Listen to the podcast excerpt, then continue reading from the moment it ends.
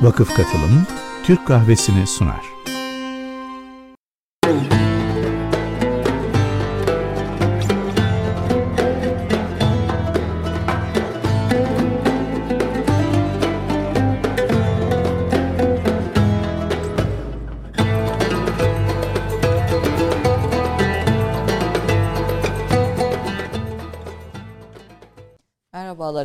Türk Kahvesi'nde bugün konum yine bir derya. Daha bu program öncesinde sizin için hazırlanırken bile o kadar çok başlık çıktı ki bu hazırladığım başlıklara ve kitaplara ilaveten gerçekten Türk kültür tarihinin, Türk iktisat tarihinin e, önemli bir e, aktarıcısı, araştırmacısı, aynı zamanda bir akademisyen, profesör, doktor Ahmet e, Güner Sayar.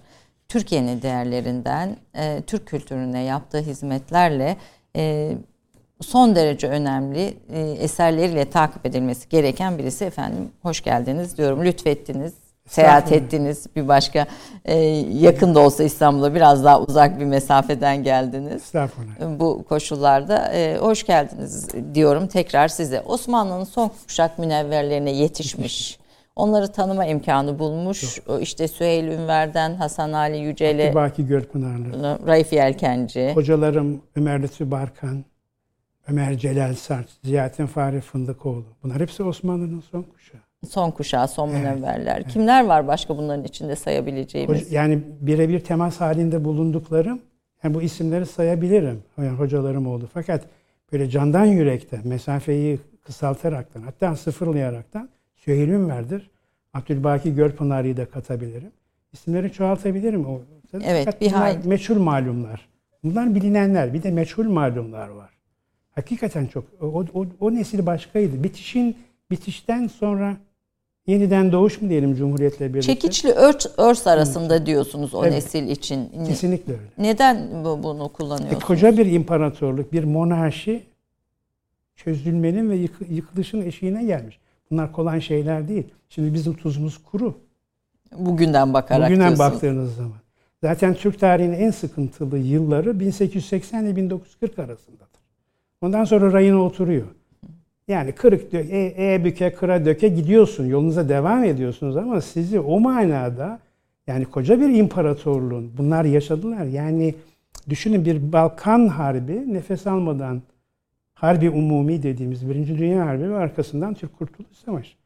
Yani bu, bu güneşe, bu savaşa hangi kar dayanabilir? Eridi. Ve bunlar bunu yaşadılar. Etlerinde, kemiklerinden uydular. Gençliklerini yaşamadılar. Ve bu nesle ben yetiştim.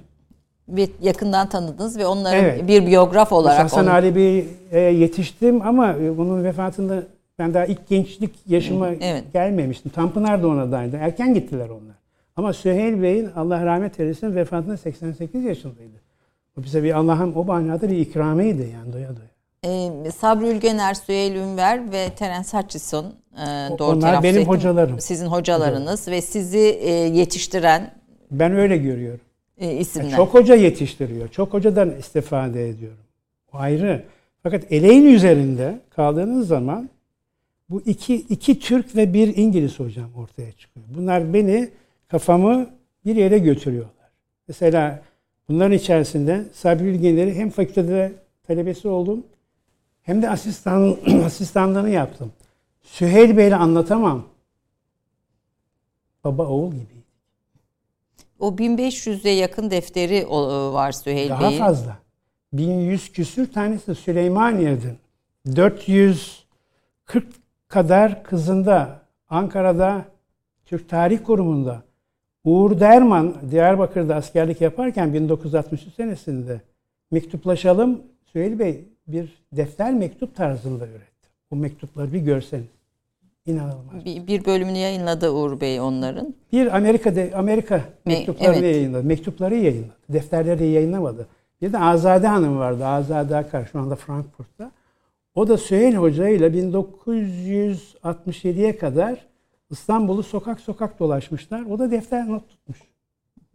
Tek tek bu çeşmeleri, eserleri. Her şey, her şey. Her yani şey. bugün aslında eski İstanbul veya İstanbul tarihine, binalara, köşklere, desenlere dair ne biliyorsak Süheyl Ünver'in o notlarından bize aktarılanlar. Çünkü zamanla yok oldu birçoğu. E, yani bunlar e, o defterlerin akıbeti bilmiyorum. Kızı Gülbin Hanım'a devredeceğini söylemişti. Azade Hanım pardon bu işi bıraktıktan sonra Hikmet Hüda ben Süheyl Hoca ile tanışıyorum. Benim e, tanışma tarihim 68 senesinin Aralık ayındadır. O, o günden beri vefatına kadar yanındaydım. Ben e, her sözünü yazdım. Ama onun emri üzerine yazdım. Biz yani e, Konuşurken mi yazıyordunuz onları? Konuşurken. Konuşurken yazıyordunuz. Evet. Yani bir taraftan dinleyip bir taraftan not tutmak. bazen başkalarıyla konuşurken de yazıyordum ben. Ama çok istifade ettim her şeyden. Ve bunları Allah izin verirse yayınlayacağım. Ee, şu böyle şöyle alayım demin gösteremedim. Şöyle göstermek istiyorum. Aslında Süheyl Ünver üzerine yazılmış e, en güzel eserlerden birisi. E, istisnai bir kitap mutlaka alıp okumanızı isterim. Hem kitabın e, içeriği itibariyle bütün detaylarıyla bir kültür insanını, nadide bir e, insanı anlatıyorsunuz. E, neden çok özel birisiydi Süheyl Bey? Biraz onu anlatalım. Valla özelliği şuradan kaynaklanıyor. Biraz daha geriye sarmak lazım. Ee, dedem 1910 senesinde Yozgat'tan, aile kökenim Yozgat yani Evet. ata, ata toprağı, İstanbul'a gidiyor. Yozgat'ta Divanlıoğlu Ali Efendi medresesinde okumuş. Arapça falan da biliyor. Fakat İstanbul'da İstanbul Darülfünun Hukuk Fakültesi'nde hukuk tahsili için geliyor. Bu arada iki tane arkadaşı var. Bunlardan biri Kırşehirli Hüseyin Avni Efendi, soyadı Konukman. Diğeri de Maraşlı Ahmet Tahir Efendi, soyadı Memiş. Bunlar can arkadaşlar. Böyle bir kendi aralarında böyle sanki bir ittifak, bir yazısız anayasa gibi bir şeyhe intisap etmek istiyorlar. O günlerde de tabii tekkeler açık dolaşıyorlar. Kendi aralarındaki alınan karar da şu. Şeyh Efendi keramet gösterecek. Göstermezse intisap yok. Böyle. Ben bunu Süheyl Ünver'den dinledim. Abdülbaki Hoca'dan dinledim ve yazdım. Bir de rahmetli Fethi Gemihlioğlu vardı. O da anlattı. Evet. Ondan da dinledim. Şimdi diyeceğim şey şu ki bunlar her tarafı gidiyorlar. Hiçbir yerler gönülleri kaymıyor. Fakat bir tekke kalıyor. Buraya gelirken yanından şöyle geçtim. Eyüp Nişancası'nda Seyit Abdülkadir Belhi Efendi var. Ona gidiyorlar. Bu üçlü yüzüyorlar böyle. Yozgatlı ekip, Yozgatlı, Kırşehirli ve Maraş. Maraşlı. Dizilmişler böyle. Adamcağız tabii yani bakıyor bunları evladım diyor. Hiçbir şey söylemeden bunlar. Niye geldik şunu falan filan demeden. Siz diyor anlıyorum diyor. Epey dolaşmışsınız diyor. Siz diyor Fatih'in türbesine gidin. Bakın dikkat buyurun. Fatih'in türbesine gider. Orada türbeden efendi var. O sizi kabul eder. Gidiyorlar. Fatih'in türbesine gidiyorlar. Amiş Efendi, Ahmet Amiş Efendi isminde bir zat-ı mübarek. Önünde Kur'an-ı Kerim açık. Bunlar okunan Kur'an'ı kemal edeple dinliyorlar. Kur'an'ı kapatırken diyor ki, bak, bu okumamdan hasıl olan ecrü sevap sizindir diyor. Aldım kabul ettim diyor. Şimdi ağızlarına açılan bir şey yok, o yok. Telefon yok, faks yok. Ben sana üç kişiyi gönderiyorum. Lafı onları- yok, evet. Yok böyle bir şey. Şimdi işin kırılma noktası bu. Evet. Aldım, kabul ettim. Çok önemli bir an. Bizim hayatımızı değiştirdi. Evet. Yani beni ailece İstanbullu yaptı. E, Bu arada tabii Türkçeniz de mu- muhteşem. İzleyicilerimizi bu konuda da dikkatini çekmek isterim. İstanbul Türkçesini en iyi konuşan, kullanan isimlerden birisidir Ahmet Güner Sayar. Hani bunu da bu ifadelerde görüyoruz. Ee, Süheyl Ünver'e tekrar burada. Dön- Buradan şu şekilde Tekrar dönelim. dedenize geleceğim De- ben. Dedemin vefatında ben adeta yetim kaldım. Ufak yaşta kaldım. Yaşım büyüdükçe bu o, Amiş Efendi ile olan ilişkisini kafam kemiriyor kafam. Etrafı soruyorum. iyi adam, mübarek adam. Hep böyle kenarsız köşesiz laflar. Doyurmuyor beni. Doyurmuyor. Yalnız Yozgat'ta akrabamdan, anneannemle kuzen, Yozgatlılar bilir. Çok mübarek bir insan vardı. İlk mektep öğretmeniymiş. Daha sonra Yozgat marifinde memurluk yaptı. Ahmet Şevki Ergin. Bu zat çok mübarek bir adam. Yozgatlılar bilir. Efendim dedim, böyle böyle dedim. Bir, dedemin dedim bir intisabı olmuş dedim Ahmet abi. Vallahi bak Allah'ın üzerine yemin eder. Adamcağız durdu. Başını evvela sağa, sonra sola titredi. Bu ismi duyunca. Ben dedim ne oluyoruz ya? Fakat ağzı kilitliydi. Çok fazla bir şey söylemezdi. Herhalde muhatabına göre konuşurdu. Ben de yani 20 yaş çizgisindeyim. O günlerde hayat nehrim akmaya devam ediyor. Ee, daha sonra konuşuruz vaktimiz olursa. Elde bir kişi kaldı. Süheyl'im ver. Bir kişi kaldı. Hiç kimse doyurmuyor beni. Ee, işte bunu uzun uzun anlatabilirim aslında. Süheyl Bey'i görmeye gittim. Söyledim, efendim dedim, ben dedim işte falancanın torunuyum dedim. Baktı böyle. Dedi ki, e, siz dedim Fatih Türbedar Amiş Efendi'yi tanıyor musun? Adam biraz hezar fen olduğu için yani merak sahası çok engin, çok geniş. Bir şey söylemedi. Buyurun dedi, oturun dedi. Oturdum. Aynen şöyle bir mesafede. Kalem kağıdınız var mı dedi. Nereden kalem Tarihi Enstitüsü'nün o İstanbul Üniversitesi'ndeki merkez binada iki tane hanım vardı. Onlardan biri kağıt kalem getirdi. O anda bakın şu cebinden şu cebinden bir defter çıkarttı. Süheyl Bey. Dedi ki bu amişnamedir dedi. Ben dedi muhtelif ona yetişen muhtelif zevattan dedi sözlerini toparladım dedi. Size yazdırmak istiyorum dedi. Adam ordinarius profesör. Siz bir öğrencisiniz. Allah'ım ya Rabbim nereye sürükleniyoruz? Ne oluyor? Şu sözü yazdırdı. İlk söz olarak Amiş Efendi. Sermayemiz kuru muhabbettir. Ya bunun sulusu olur mu? Olur ha. Tekke şeyhlerini görmüyor musun? İlk, ilk, İlk cümle, sözü bu. ilk cümle buradan İlk başladı. cümle buradan başladı. Ve bu hocanın vefatına kadar devam etti. Ve böyle gitti. Böyle devam. Siz iki okulum diyorsunuz. İki e, asistan oldum. iki e, insan var. iki profesör. Birisi Sabri Ülgener. Diğeri de O resmi Ordinarius Profesör Doktor Süheyl Ünver. biri kayıtlı, diğeri kayıtsız. Evet, nüfusa kaydettirmediği oğlu oldu. Ben öyle görüyorum. Evet, evet. bir oğlu olarak da e, aynı zamanda görünüyor. Tabii bunlar bir muhit, bir ortam. Yani sizin e, eserlerinizi okurken e, şey gördüm. Yani bir muhitin insanı olarak siz kendi muhitinizin insanların o e, girdaplı dönemlerden, o zor dönemlerden geçişini bir taraftan anlatmışsınız. Ama diğer taraftan da Türk meselelerini yani Türk toplumunun yaşadığı meselelere de bakmışsınız. İşte ne bileyim Saf Raif Yelkenci'yi anlatmışsınız ama yani saflığı anlatırken e, Paranın serüvenini paranın anlat- serüvenini anlatmışsınız. Yani Batı tipi iktisat anlayışının nasıl, e, ge- giremediğini e, anlatmışsınız. Çünkü Raif Yelkenci herkese satmaz imiş kitabı. satmaz. Sahaflarda öyle herkese kitap satmayan esnaf vardı. Yani kitaba ihtiyaç duyanı bilirlerdi. Ona, onun için saklarlardı. Mesela belki değeri 100 lira ama o ona 10 lira. Öyle 10 lira. Aldığı fiyatı çok ufak bir marjinal bir kar yükleyip öyle işte. Yani son sahaf e, kendi kozmosunu koruyan son sahaf. Sahaf, Raif Efendi ile birlikte çok şey bitti. Çünkü adamcağız burada sıkı duralım. Sırf yazma kitap satardı. çok ilginç bir şey. Bugün siz yazma bir eseri almak için Taksim'de 4 yıldızlı otelin otelin müzayede salonunda açık artırmayla gidiyor o kitaplar şimdi. Ya Süheyl Bey derdi ki ben Raif'ten derdi 5 kuruşa dedi yazma kitap aldım dedi. Çünkü ona aldığı fiyatla veriyor. O da bir manevi dünyanın içerisinde. Muallim Cevdet, Süheyl Bey, Osman Nuri Ergin, kitapçı Raif Efendi bunlar Mecdi Efendi'nin ekseni etrafında.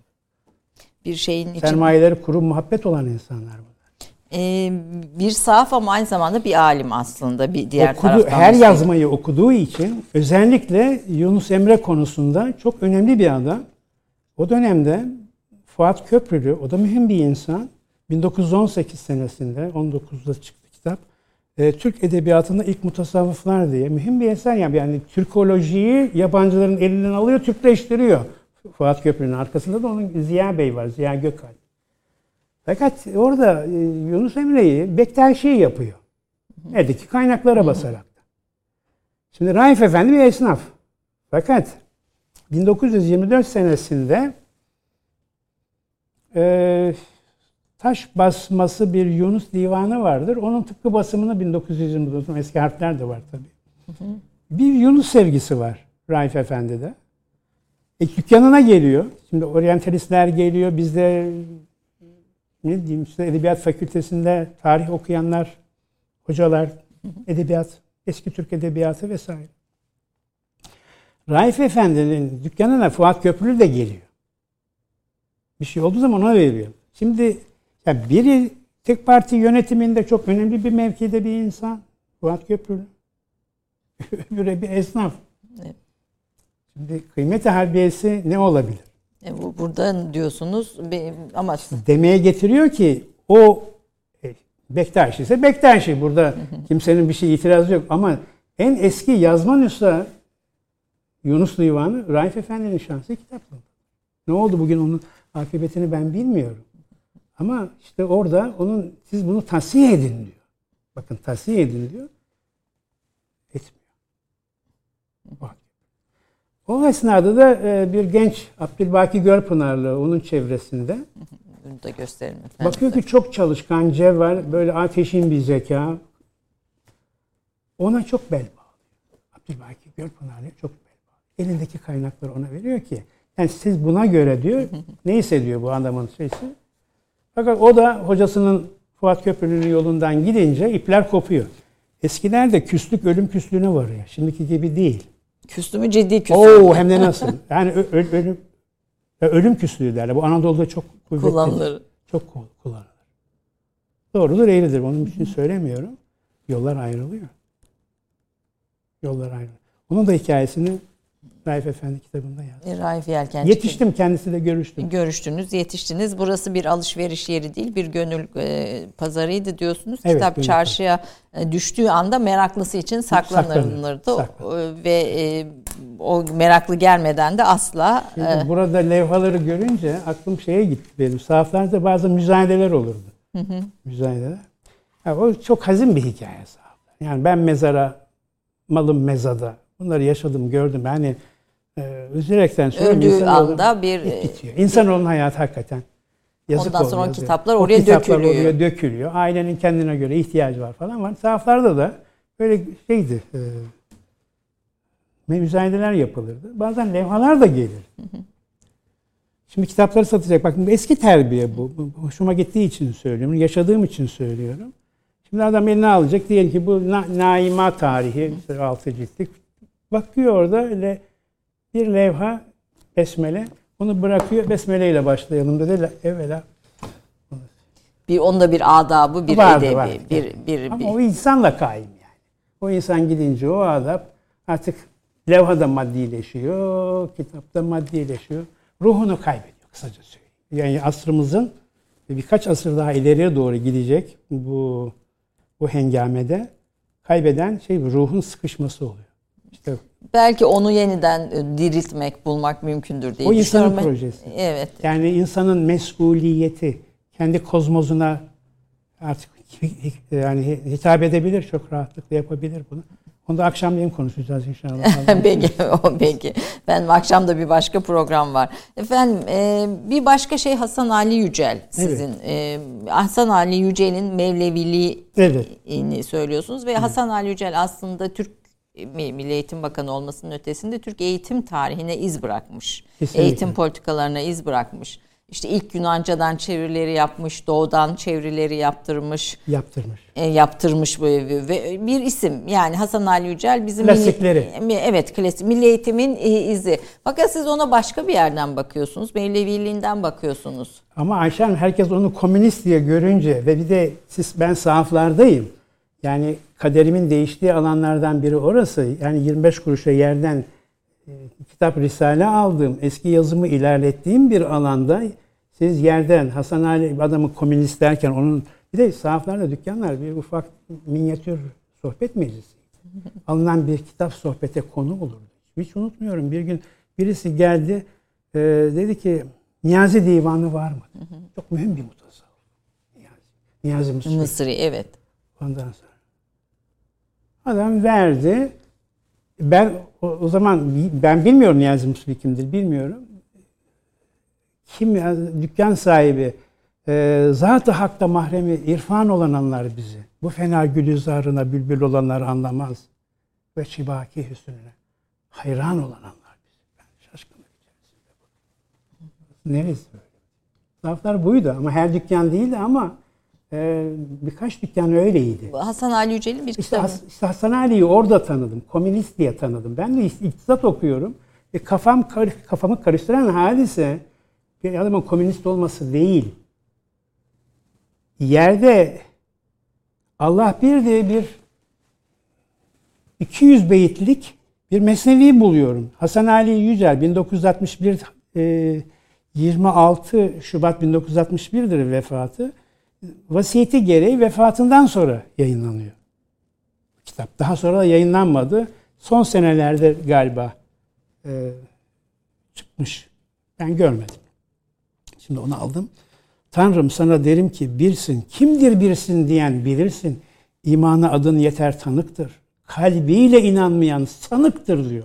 Ya dur, bakalım nereye gidiyoruz falan filan. Kalbiyle inanmayan Allah, sanıktır diyen kalbiyle bir inanmayan inanmayan sanıktır. sanıktır. Sen bir dakika duracaksın. İşin içerisine girince başka bir dünya çıktı. Şimdi dünyalardan biri, bunu da yazdım. Annem e, Ankara'da İsmet Paşa Kız Enstitüsü'nde okurken dedem Ayaş'ta hakim. Kaderimiz hep ortam oldu. Bakın dikkat. E, dedi ki anneme sordum böyle dedi ki oğlum dedi ben annem de el işlerini çok güzel ben kaneveçe falan filan oya falan onlar çok güzel yapardı. O tığ işleri falan. Geldi dedi teftişe dedi. Marif vekili sene 1939 yeni ilk ilk ayları. E, benim dedi yaptığıma baktı dedi. Yaptığım dedi şey dedi. Hocaya sormuş hoca hanım demiş. Talebenize kaç veriyorsunuz? Bakın şu. Bunu demiş tam numara yapın buradan anlıyorum ki emeğe, emeğe kıymet veriyor. Bu çok Evet. emeğe kıymet Sonra babamın babam ben babama şey yaptım. Ee, Baba dedim bu adamcağızın dedim böyle denildiği gibi değil. Bunun dedim bir derviş yanı var. Bir mutasavvıfane şeyleri var. Ee, yeni kapı çizgisi var. Dedi ben dedi bir canla konuşayım dedi. Bunlar bir de bunların bir de şeyleri var. Meyhane arkadaşlıkları. var. Tabii şimdi o, o fazla geleceğiz. Aynı zamanda Ahmet Güner Sayar efendim Abbas Sayar'ın e, oğlu. Evet. Yani bir tarafta mutasavvıf bir dede Evet. ve ve de onların gönül sohbetleri öbür tarafta Abbas Sayar e, Yani o- Yılkatı romanıyla ve Yılkatı. şiirleriyle bilir. So- sol diyelim değil mi? So- Sol Ya anlamazlar ya solu falan anlamak kolay mı Allah aşkına? Ayşe Hanım bu işi yani Ricardo'yu bilmeden Marx anlaşılmaz. Bunlar ben bunları ben bunları hepsini şu şu adam var ya şu adam. Terence Hutchison. evet. Benim talebeliğimde derdim ki Hutchison'a siz Marx'a karşı çok saygılısınız. Marx'a karşı çok ama sizin duruşunuz anti Marksist. dedi ki Sayar dedi adam dedi evet, çok çalışmış iyi bir düşünce tarihçisi dönemine göre dedi. Artı değer teorileri. Türkiye bilmiyor. Marx'ın o üç ciltlik artı değer teorileri kitabı var. Ricardo'yu falan da çok iyi anlatır. Şunu söyle.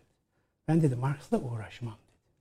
Ricardo'yu ters yüz edersem dedi onun düşünce dünya, iktisat düşüncesini Marx biter. Bak söylediği bu. E, yani Türk solcuları e, Bilmiyorlar. Türk solcuları evveli ve ahiri olmuyor. Evvelini demeyelim de artık evveli karmaşa içerisinde yani sistematik Marx'ın düşüncesini sistematik bütünlüğe oluştur, oluşturan Ricardo'dur. Yoksa istismar dün de var, bugün de var ve yarın da ve yarın olacak. da olacak. Metafizik ve sadece bizim aldandığımız yahut aldatılan nokta pek haklı olarak tabii zannediyoruz ki zannetmiyoruz da yani işveren işçiyi ilişkisi. toprakta da işte ağa ırgatı istismarda. Doğru. Bu doğru. İyi de bir de insanların aşk, sevgi, iman dünyaları var. Oradaki istismara ne diyeceğiz? Marx ne diyor ona? O üst yapı, Sonra- altyapı kurumları Altı olarak yani. onları klasik hemen sınıflandırıyor. Efendim peki e, Abbas Sayar kısmına döneceğim. Babanız Peki. e, babanıza döneceğim. E, bu şey bu Hasan Ali Yücel bahsini bitirmek istiyorum. Hasan Ali Yücel'in Mevleviliğini Evet. yazıyorsunuz bu kitapta. Ee, tasavvuf dünyasını yazıyorsunuz. Şimdi burada yazmamda Ayşe Hanım yani ben evlilik yoluyla Mevlevi bir aileye intisap ettiğim evet, için eşiniz eş, eşimden dolayı yani oradaki kültür zenginliğini başka bir damarda ben Hazreti Mevlana'yı biliyorum. Dedem vefatından önce bana Kur'an'ı hatmettirdikten sonra işte Abdülbaki de oradan zihnime çakılan, takılan isimlerden biri oldu. Dedi ki e, varlık sene 1958 Mart unutmuyorum o kadar hayatıma işledi ki e, sen dedi git dedi caddedeki kırtasiyeciden dedi Abdülbaki Görpınarlı'nın dedi Mevlana kitabı vardır dedi. Onu al beraber okuyalım. E, Hazretin hayatı çok kolay. Belh'ten çıkıyor, Kona göçe işte Konya'ya kadar geliyor. Bu hikayeyi anlamada, anlatmakta şeyim. Tamam fakat Mesnevi'den seçmelere girdiğim zaman aşkın usturlabıdır dediğim zaman bir adam 12 yaşında bu aşkın usturlabı falan. Dedim mübarek de hiç ağzı böyle duruyor. Poker face böyle duruyor karşımda. Ben onun yüzüne bakıyorum ne demek bu? Meğerse o biliyor, biliyor bir şeyi biliyor ki bu iş bu iş şimdi bu kadar iyi bundan sonrası yürür. Hakikaten yürüdü. Eserlerini toparladım falan. Yani bir gün Abdülbaki Hoca'dayım. Sohbet ediyoruz. Dedi ki bana Ahmetcan dedi yarın Mah-ı Mübarek'in birinci günü dedi. Güzel. Ben dedi Hazreti Mevlana'nın dedi ailesiyle dedi iftarda olacağım dedi. Dedim ki efendim dedim Hazretin soyundan dedim aramızda kimseler var mı dedim. Başladı ana, ağladı, ağlamaya başladı. Abdülhalim Çelebi'yi anlattı onun hikayesini. Çok üzüldüm. Böyle beyaz sakalları vardı. Gözlerinden yaşlar böyle sakallı. Ve çok duygu dolu bir insandı. İşte olayların akışı, olayların akışı ben eşimi Süheyl Bey'in yanında tesip falan yapardı o da. Onun öğrencisi o vesileyle tanıdım.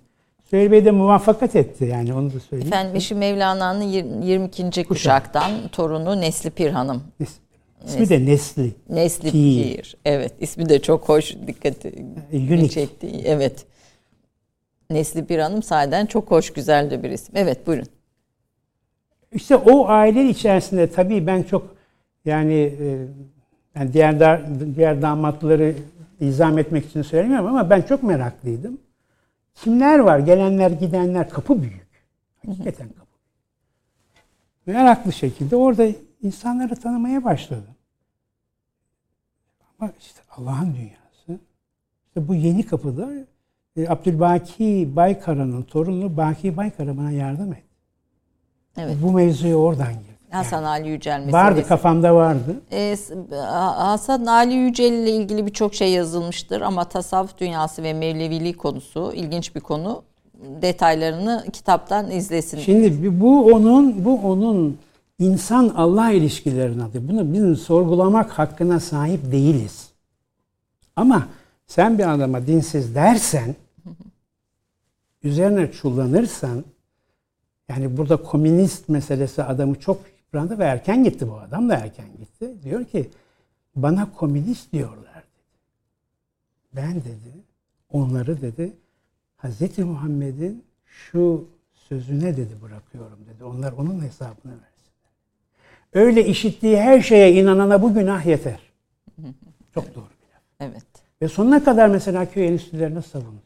Sonuna kadar, hayatının sonuna kadar inandı. Neye inandı?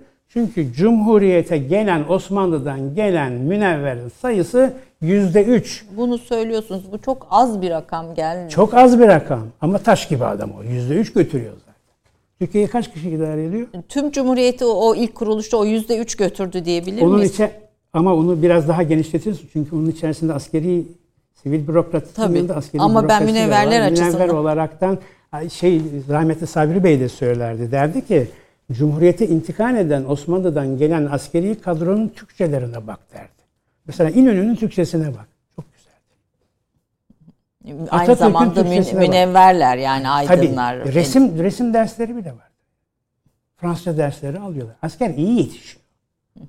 Tahmin ederim bugün de öyledir. Ben o iç örgüsünü bilmiyorum yani ama Ha, bizimki gibi bizim durumumuz gibi değil. Estağfurullah efendim, estağfurullah. Sizin yetişmeniz ayrı. Hem muhiti hem e, üniversitesi eğitimleri ayrı bir konu. Efendim kısa bir reklam arası. Reklam arasından sonra bir başka komünist olarak nitelenen, komünist sözünü tabii tırnak içinde kullanıyorum. Şeyh Bedrettin üzerine e, çalışmasında biraz hocamın değineceğiz. Tabii birçok kitap var masamın üstünde. Bir de Milliyetçi Hareket Partisi Başkanı Sayın Devlet Bahçeli'nin emriyle hazırlanan İnsanlığın Huzuru isimli bir eser var. Hocamın başkanlığında hazırlanan. Bunu da biraz konuşacağız. İnsanlığın huzuruna giden yolu açan anahtarları. Kısa bir reklam arasından sonra buradayız efendim.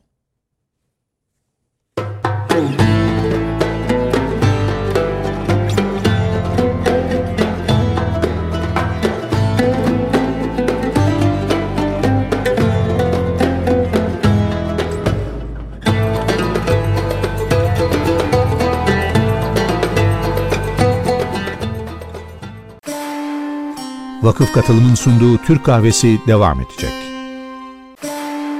Vakıf Katılım'ın sunduğu Türk Kahvesi devam ediyor.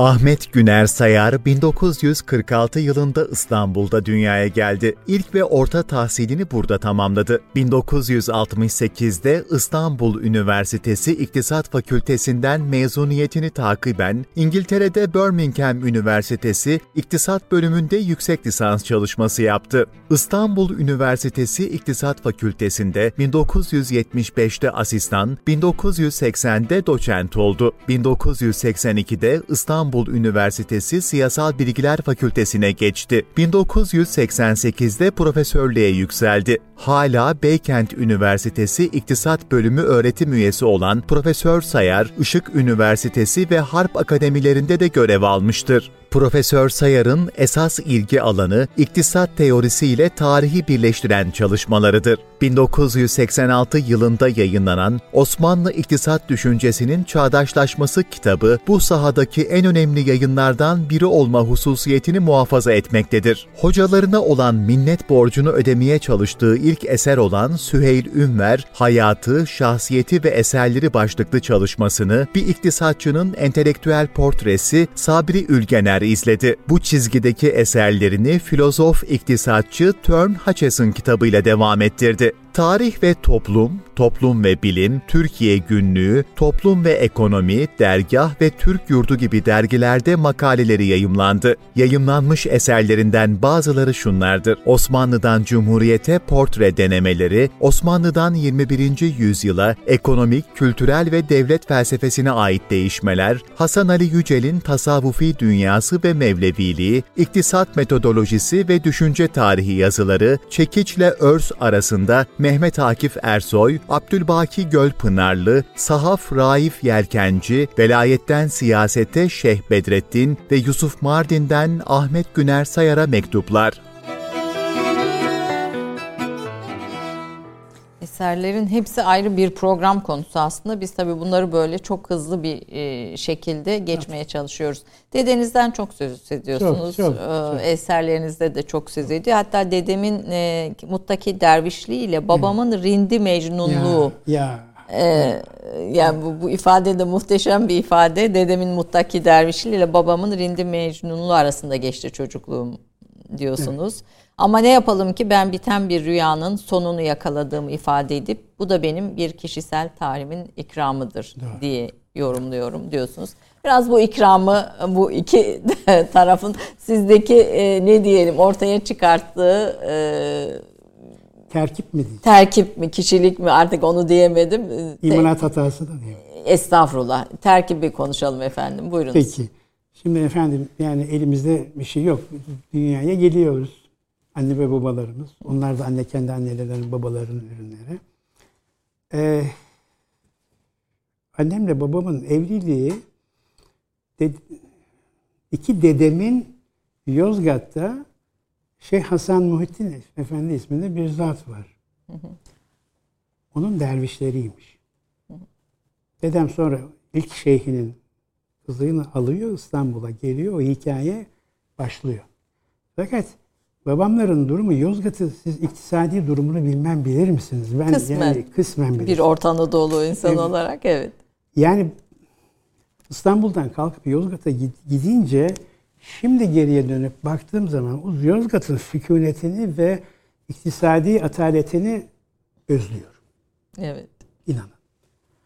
Şimdi söyleyeceğim hikaye orada babam 8 çocuklu bir ailenin üçüncü evladı. Fakat diğerlerinde yani kendi işlerini güçlerini neyse yapıyorlar adamlar. Fakat bu bir şairlik, bir rint meşreplik, böyle bir uzatmayalım. iki farklı nehir birleşiyor. İstanbul'a geliyor. İstanbul'a geliyor. İç güveysi olarak geliyor. Şimdi bir şey söylesem beni üzen şeydir ama bir şeyi de özetliyor.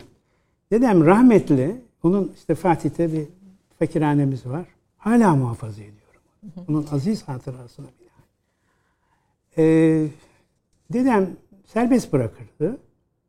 Derdi ki akşam ezanından evvel herkes eve gelecek.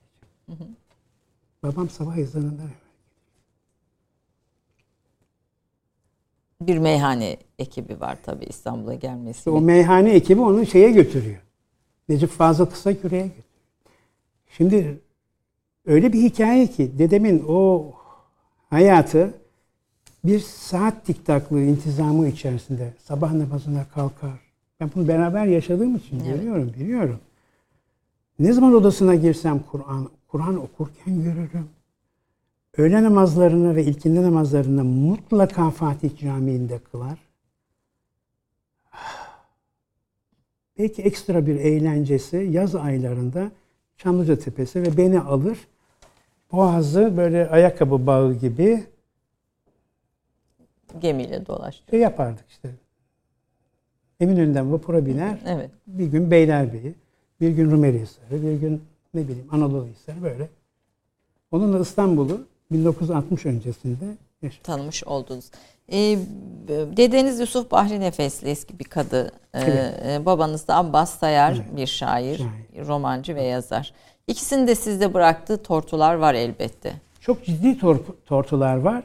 Bir defa ben şuna şuna inanıyorum. Yani e, böyle bir filozofik değerlendirme yap- yapabilmek için insan hayatının hakikaten ba- belli aşamalardan sabırla geç bir yere geçmesi lazım. Çünkü Allah Rab bizi eğitiyor. Yani bizim e, bütün gelişimiz yani hayata çıktığımız zaman bir bir metafor ne kadar izah eder ama e, bir karbon kömürü gibi yanmaya çok açık ve yanıyoruz. Ama çalışmayla onun içerisindeki karbonları hani elmasa dönüştürebilme. Ben mesela gördüğüm insanlar içerisinde içinde sıfır karbon bulunan kişi Süheyl Bey'dir. Kusursuz bir mükemmellik. İnanılmaz. Ama diğerlerinde kendine göre şeyler İnsan, var. Tabii illa eksiği İlla. noksanı Amenna. Ona ona bir diyeceğim yok. Ya şunu gördüm ki mesela bir, bir bir elektrik santralını düşünün. Oradan elektrik geliyor, evinize geliyor, size geliyor. Şimdi öyle bir ki o elektrik buzdolabında soğutuyor, burayı aydınlatıyor veyahut da bir, bir ısıtma aracının da sizi ısıtıyorsun. E, aynı kaynak bunlar. Sonra anladım ki kendi kendime böyle farklı üç damarın bir kanala doğru gitmesi bizi başka bir yere götürüyor. Evet zaten sizi tanımlarken e, bir sürü e, akarsunun aktığı bir nehir gibidir e, diye tanımlıyor bir dostumuz. Ha, Ee, anladım, Ahmet. Kalın evet yani bir, bir sürü bir sürü şeyden beslenen bir nehir gibi bir sürü Çok akar. açıktım. Zihnim çok açık. Mesela liberalizmin ne olduğunu bu, buradan buradan gördüm. Evet yani burada liberalizmin ne, ne olduğunu derken e, sizin hocanız aynı zamanda Keynes'in talebesi. Keynes'in öğrencisi. Key- evet, Keynes'in Cambridge'de. talebesi oradan geliyor. Efendim tekrar babanıza dönersek Abbas Sayar'dan e, şiirler, romanlar kısalım sesini önemli değil. Tamam. Bazen ben de unutuyorum efendim. Affedersiniz, Yok estağfurullah. Bazen Evet. ben de unutuyorum. Ee, Abbas Sayar'dan e, bir şiir okuyun desem okur musunuz? Onlarca okurum, yüzlerce okuyayım. Bir tanesini seçin bize. Ben bu dağda kuş olmadan vurulandan biri oldum. Hayalimde düş olmadan görülenden biri oldum. Gün çok ağırdı erkenden. Sıyrıldım tenden bedenden. Kendine sahipsiz bir benden. Sorulandan biri oldum. Elim avucumda tutmadan. Kendimi kendim gütmeden. içime adım atmadan. Yorulandan biri oldum. Hayat avu kör tasına. Hiç keder duymaz yasına. Hocanın kar helvasına karılandan biri oldu. Aman yarabbim. Ben şu yandan kapatalım isterseniz. Yanda yanda bir kapatma şeyi Tamam yok. kapat. E, Tuşu olması lazım. Şimdi bu bu ses Yunus Emre'yi Aşık Veysel'e bağlayan Orta Anadolu sesi. Kalıplar aynı. Hece. O ses nerede sola bağlanıyor peki? Sola bağlanmıyor. Bağladık. Babamın babamın problemi ben aşağı yukarı bu sanatkarların e, dünyası normallik, anormallik veya sürnormallik çizgisine oturtmayayım ama farklı. Evet. Oturmaları bile farklı. Dış aleme dünyalara bakın. Ressamlık, bir, bir, bir dağınıklık, bir bohem. Bu, bu var, fıtratında var. Yani taşıma su değil. Biz bunun yani ailece sıkıntısını çektik. Ama buraya gelip onları konuşmak Tabii, değil. gerek Ama şu şiir Muhteşem bir Orta Anadolu dili. demek demek? Öyle güzel aruzda şiirleri var ki gün ışığı üstüne gelen andan usanmaz. Aydınlık ve karanlık ki zamandan usanmaz. Sabır ateşte değil onu yutan mavide.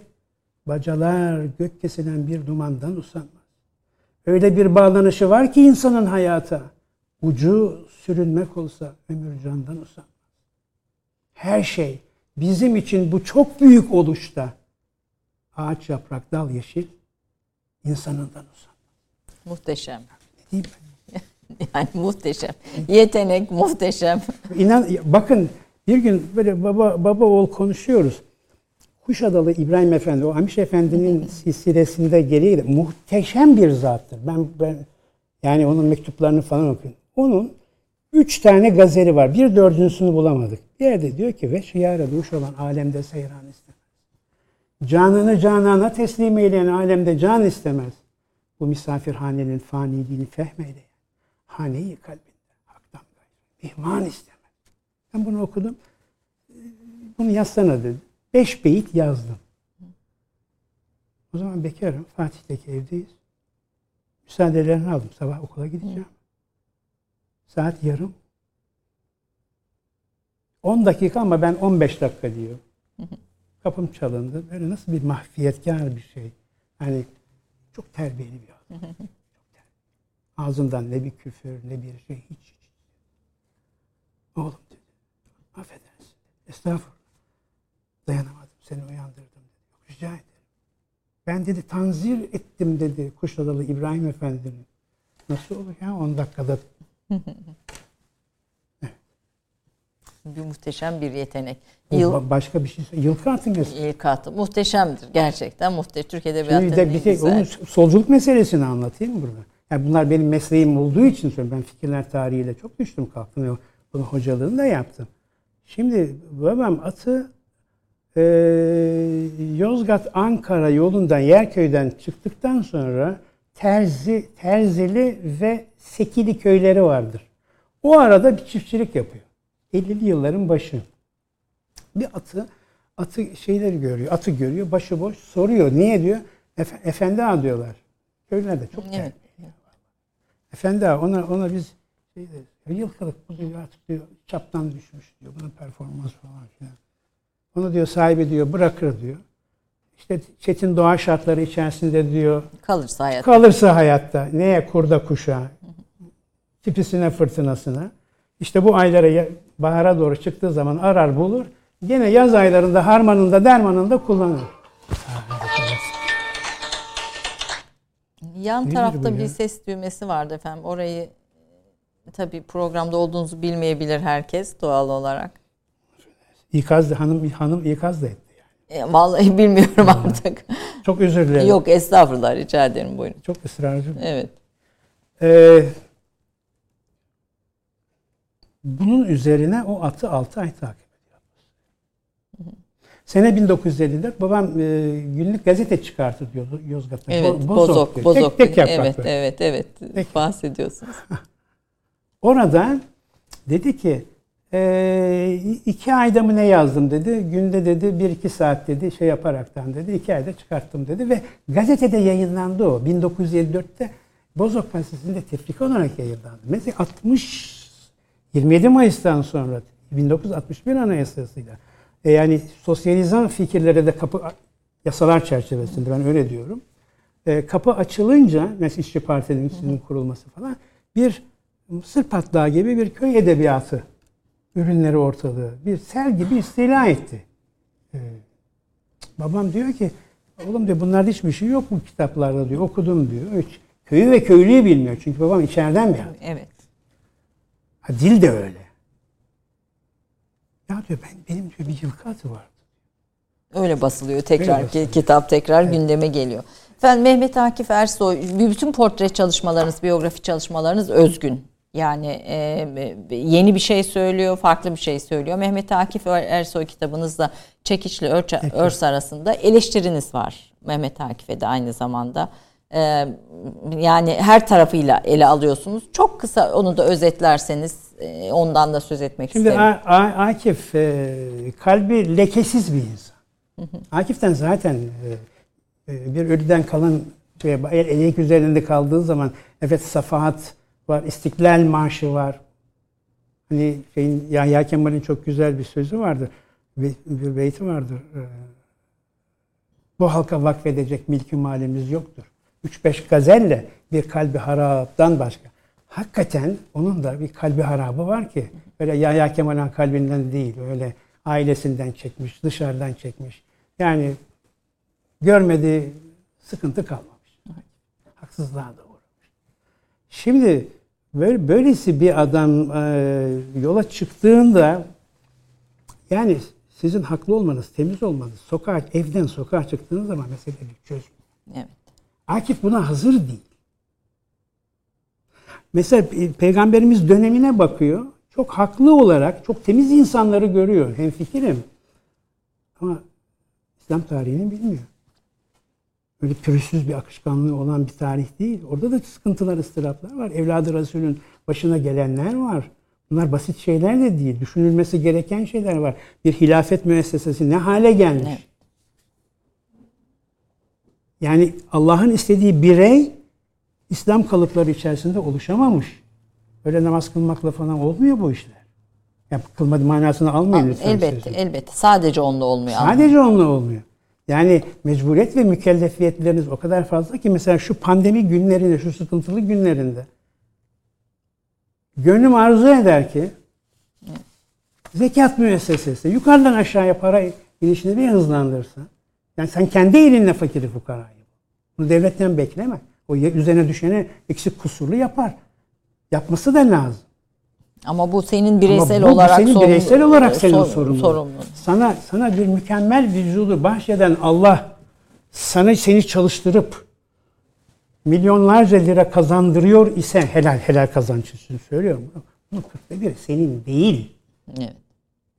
Yoksa musalla taşına gelip nasıl biliyordun, iyi biliyorduk falan filanla bu işler yani olmuyor. Yani sen parayı yığmakla bir batılı adamdaki Adam Smith mantığında yürüyenle hiçbir alaka, hiçbir farkın yok. Ekonomiye geleceğim çünkü Evet, bu. Osmanlı İktisat Düşüncesi'nin çağdaşlaşması kitabını 10 yılda yazdığınızı söylüyorsunuz. Evet, aşağı. bu, şurada gö- gösterebiliyorsa arkadaşlar onu ben şöyle alayım. Bugün gayet hareketli bir program. Telefonlar, kalkmalar filan. Böyle efendim. Bu kitap Osmanlı e, İktisat Düşüncesi'nin çağdaşlaşması.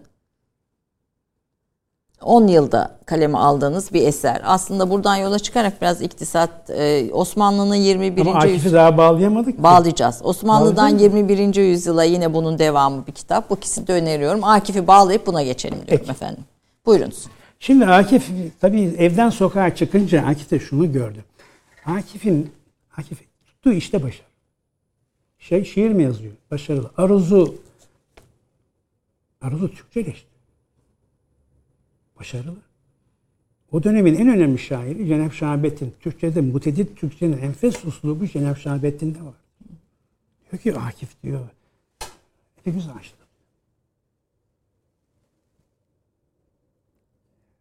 Olmayan ne peki? Şimdi Akif'i ıskaladığımız nokta Akif'le ilgili Akif veteriner. Bir vücut tahsili yapmış. Hayvandan insana, insanlara geçiyor, toplum hayatına geçiyor. Adam kendisini beklemediği bir anda sosyolog olarak görüyor. Ve bunda da haklı. Ne yapıyor? Fakir fukara semtlerinde dolaşıyor. Yani hiçbir solcunun yapamayacağı işi yapıyor. Bir Ataol Behramoğlu isminde bir şair vardı. Evet. O diyor ki Nazım Hikmet'i diyor solcu yapan diyor şeydir diyor Akif'tir diyor. Halbuki onlar Rusya'ya gittiler. Valen evet, ürettiler. evet, Ama tamam. ayrı hikaye. Belki doktrin tarafı. Ne- Nerede hastanın başında? Ne Seyfi Baba? Fatih Camii'de namaz kılıyor. Dışarı çıkıyor. Bayram günü çocuklar pür neşe oluyor, koşuşturuyor falan filan. Fatih çarşısının içerisine giriyor. O çocuklardan biri sırtında küfeyle Şey taşıyor, yük hayatın taşıyor. yükünü taşıyor. Akif diyor ki başka bir hikaye. İşte toplum damarına giriyor. Mahalle kahvesine giriyor. Meyhaneye giriyor. Üç talakla Allah'ın verdiği ruhsatı İstismar edene giriyor. ya sen bunun altından nasıl kalkarsın? Öyle bir öyle bir. Yani Akif'in e, toplumun e, ne Buraya diyeyim giriyor. kılcal damarlarında hakim, dolaşması dolaşıyor. şiirine hakim ama Evet. Burada halkla kavgalı. Kavga noktasında da kavga ederken de haklı. Çünkü bizim insanımız İslamiyeti İslam'la Müslümanı ayırmış. evet O Müslüman ki dedelerimiz, atalarımız, her kimse öbür tarafa taşınmış. Batini tasavvufta. Rahı hakkadır seferim. Ben bu dünyayı ni derim. Ha, Sen bana mavi vatan hadi. bu Hadi dünyayı buyur. derim deyince Hadi buyur mavi vatana bak. 300 sene evvel senin Akdeniz'de Arap, Arap çorap var mıydı senin? Yunanistan diye bir problemin var mıydı? evet Ya şimdi hakkın olan şey için artık uluslararası hukuku işletiyorsun. Abi o zaman sen kendi hukukunu çünkü koru. ama çağ da tabii değişti yani. o ayrı. O ayrı hikaye.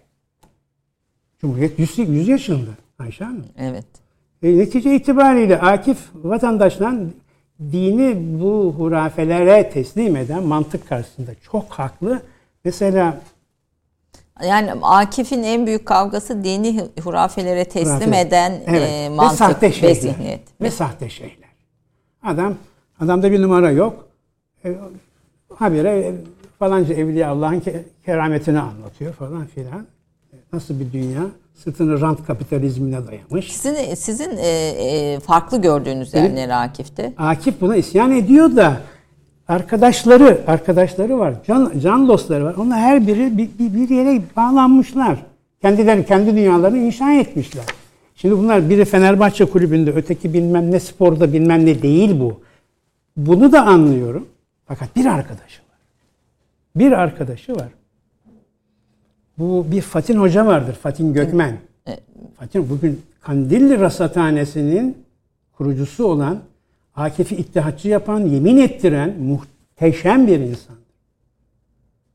Ona sor, ona sordu, soruyor diyor ki Akif diyor, senin diyor hayatta en sevdiğin kimse nedir diyor. Saniyenin kırkta biri gecikmeyle Naim diyor. Babanzade Ahmet Naim, Naim. Bey. Şimdi Ahmet Naim Bey, ben bunları yazdım. Evet. Gümüş Efendi'nin damadı. Ya insan sorar yani bu insan Fenerbahçe kulübüne üye olsa bile aidat ne kadar veriyorsun der. Ne yapıyorsun? Hangi maçlara gidiyorsun der. Bir şeyler sorar. Beni de Fener'in final maçına götür der. Vesaire vesaire. Onun üzerine insan merak etmez mi? Kim bu adam? Ne yapıyor? Şimdi Popper'in bir çok güzel bir Karl Popper. Karl Popper'in bütün kuğular beyazdır. Siyah kuğu var. Sen siyah kuğu varsa kuğular arasında Hüseyin Efendi siyah kuğu. Sermayemiz kuru muhabbettir diyor. Evet yani bu kadar e, bu bu konuya fazla Fazla takılmış. taarruzuna takılmasına Tabii. itirazınız var. Tasavvuf İtirazım var. Çok takılmasına itirazınız var. Ee, onu geçelim. Bir de sokağa çıktın.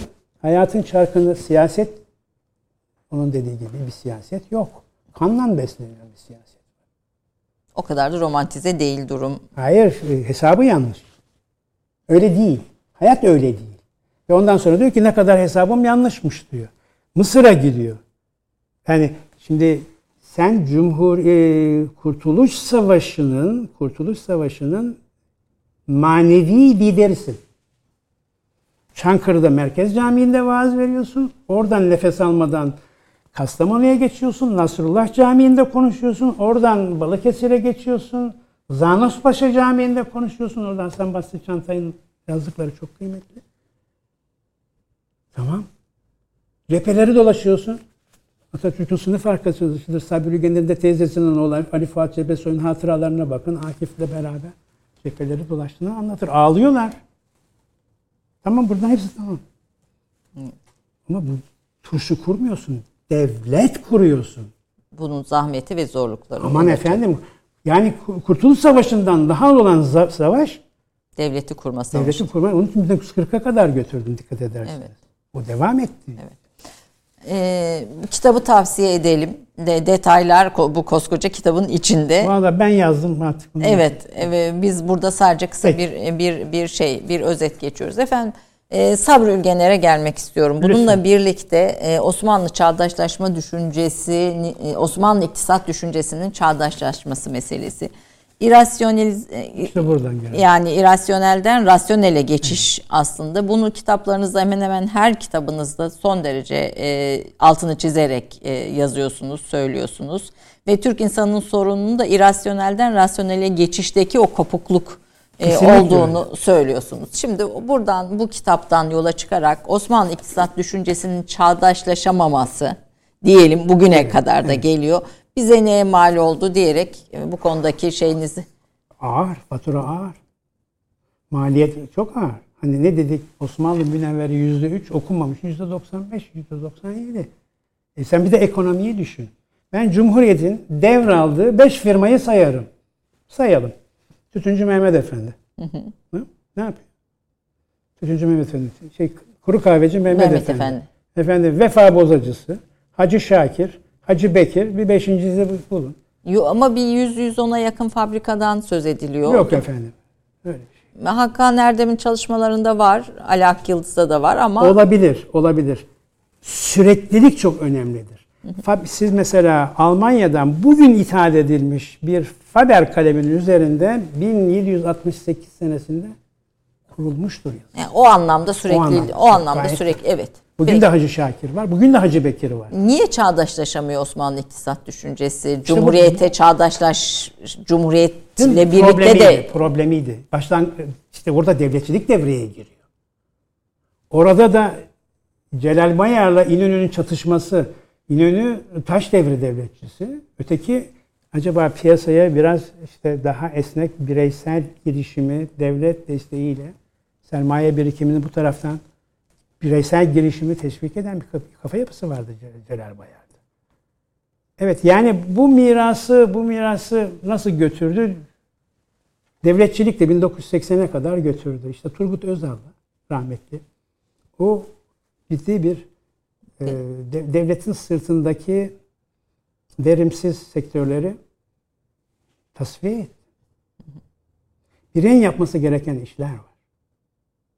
Bir bireyin güçlenememesinin e, bir şey olduğunu mu düşünüyorsunuz? Bir sebep, ana sebep ben oldu. ciddi sorunları olduğunu görüyorum bireyin.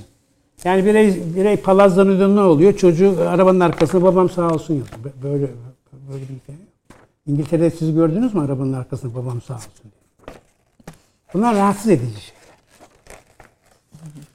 Ee, bunu, bunun aşması, aşılması meselesinde çok gay- gayret sarf edilmiş bir fikri ciddi may- mayalanmalar da var. Ama burada başarı kabul etmek gerekir ki ben Türk tarihini de incelediğim kadarıyla değil mi?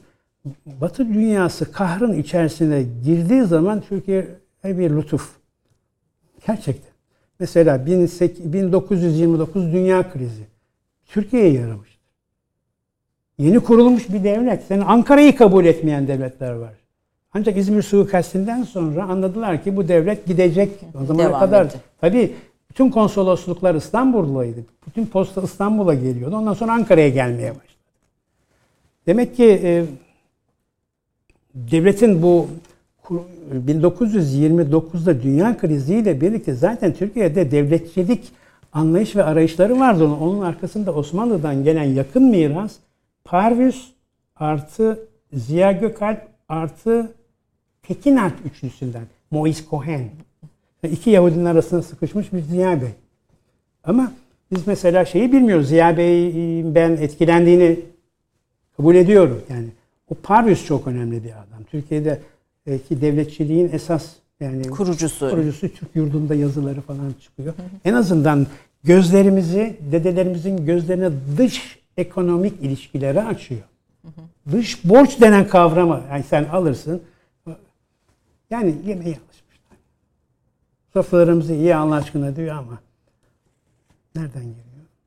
Ama orada bir düşünceyi Mehmet Genç de rahmetli anarak onu da Evet, söylediği Allah bir düşünceye eylesin. batıdaki o de, kapitalizme değişen o liberal düşünceye intibak edememe, onu kendi insanına uygun yani e, kendi zihniyet dünyasıyla uyuşturamama gibi bir şey de var. Bir e, temel sebep de var yani. Orada Allah'ın istediği birey yok. Allah'ın istediği birey muttaki. Allah oturup ben artık akşamleyin de bahsedebilirim belki ama yani Allah Kur'an-ı Kerim birey temel. Bireyi alın parantez içerisinde Hazreti Muhammed de, deizme gidersin. Evet. Evet. Sana teb- Allah'ın tebligatını kim yapacak? Dünyaya geldin. Ana dili, anaya ihtiyacın var bir dili konuşabilmen için. Din için de öyledir. İnsan çok önemli. Bunu inşa edemedik biz. Burada da ben şeye bağlıyorum. Yani Hazreti Ali Muaviye birinin hilafeti adil, diğerinin hikame, hilafeti bagi, ayak oyunları, asi. E sen şimdi bana başka martaba okuma. Tabii buradan bir- bir uzun bir tartışma, Uzun uzun bir bir, tartışma, entelektüel şey olan bir tartışma, bir sürü e, çemberinde etrafında konuşulması gereken konu olan bir tartışma.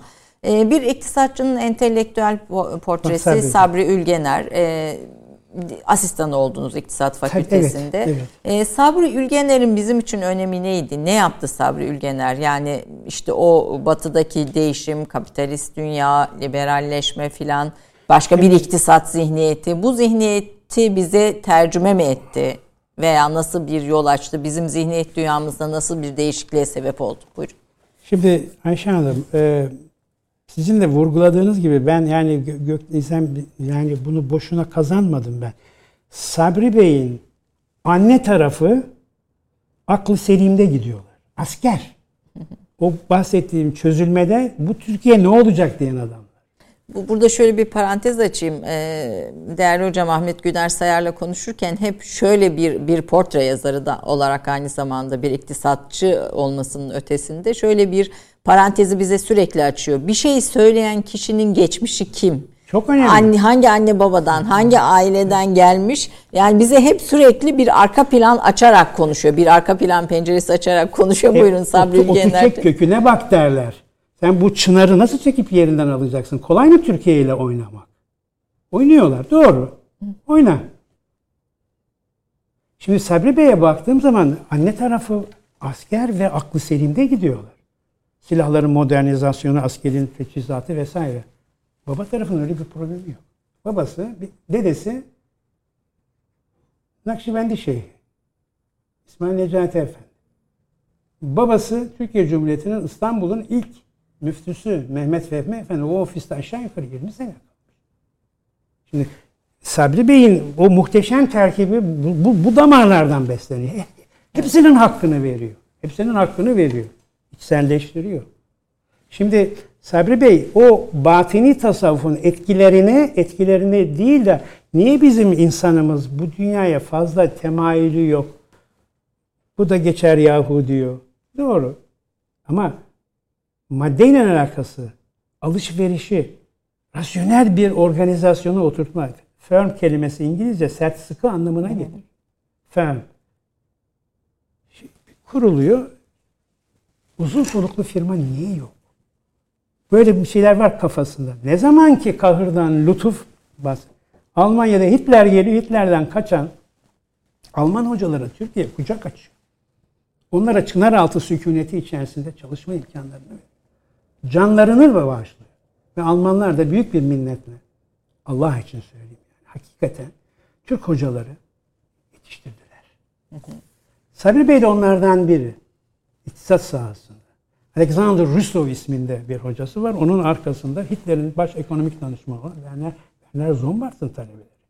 Max Weber'in talebeleri. Ve müthiş adamlar. Müthiş onlar adamlar bunlar. hepsi. Yani bunları gördükten sonra Yani kapitalizmin tarihini yazan adamlar yani tarihini yazmakla kalmayıp içini e, görüyor. gören Sabri Bey adamlar. oradan süngerliyor bunu, bu olayı alıyor. Zaten e, derdi ben orta mektepte Schiller'i okuyacak kadar Almancam vardı derdi.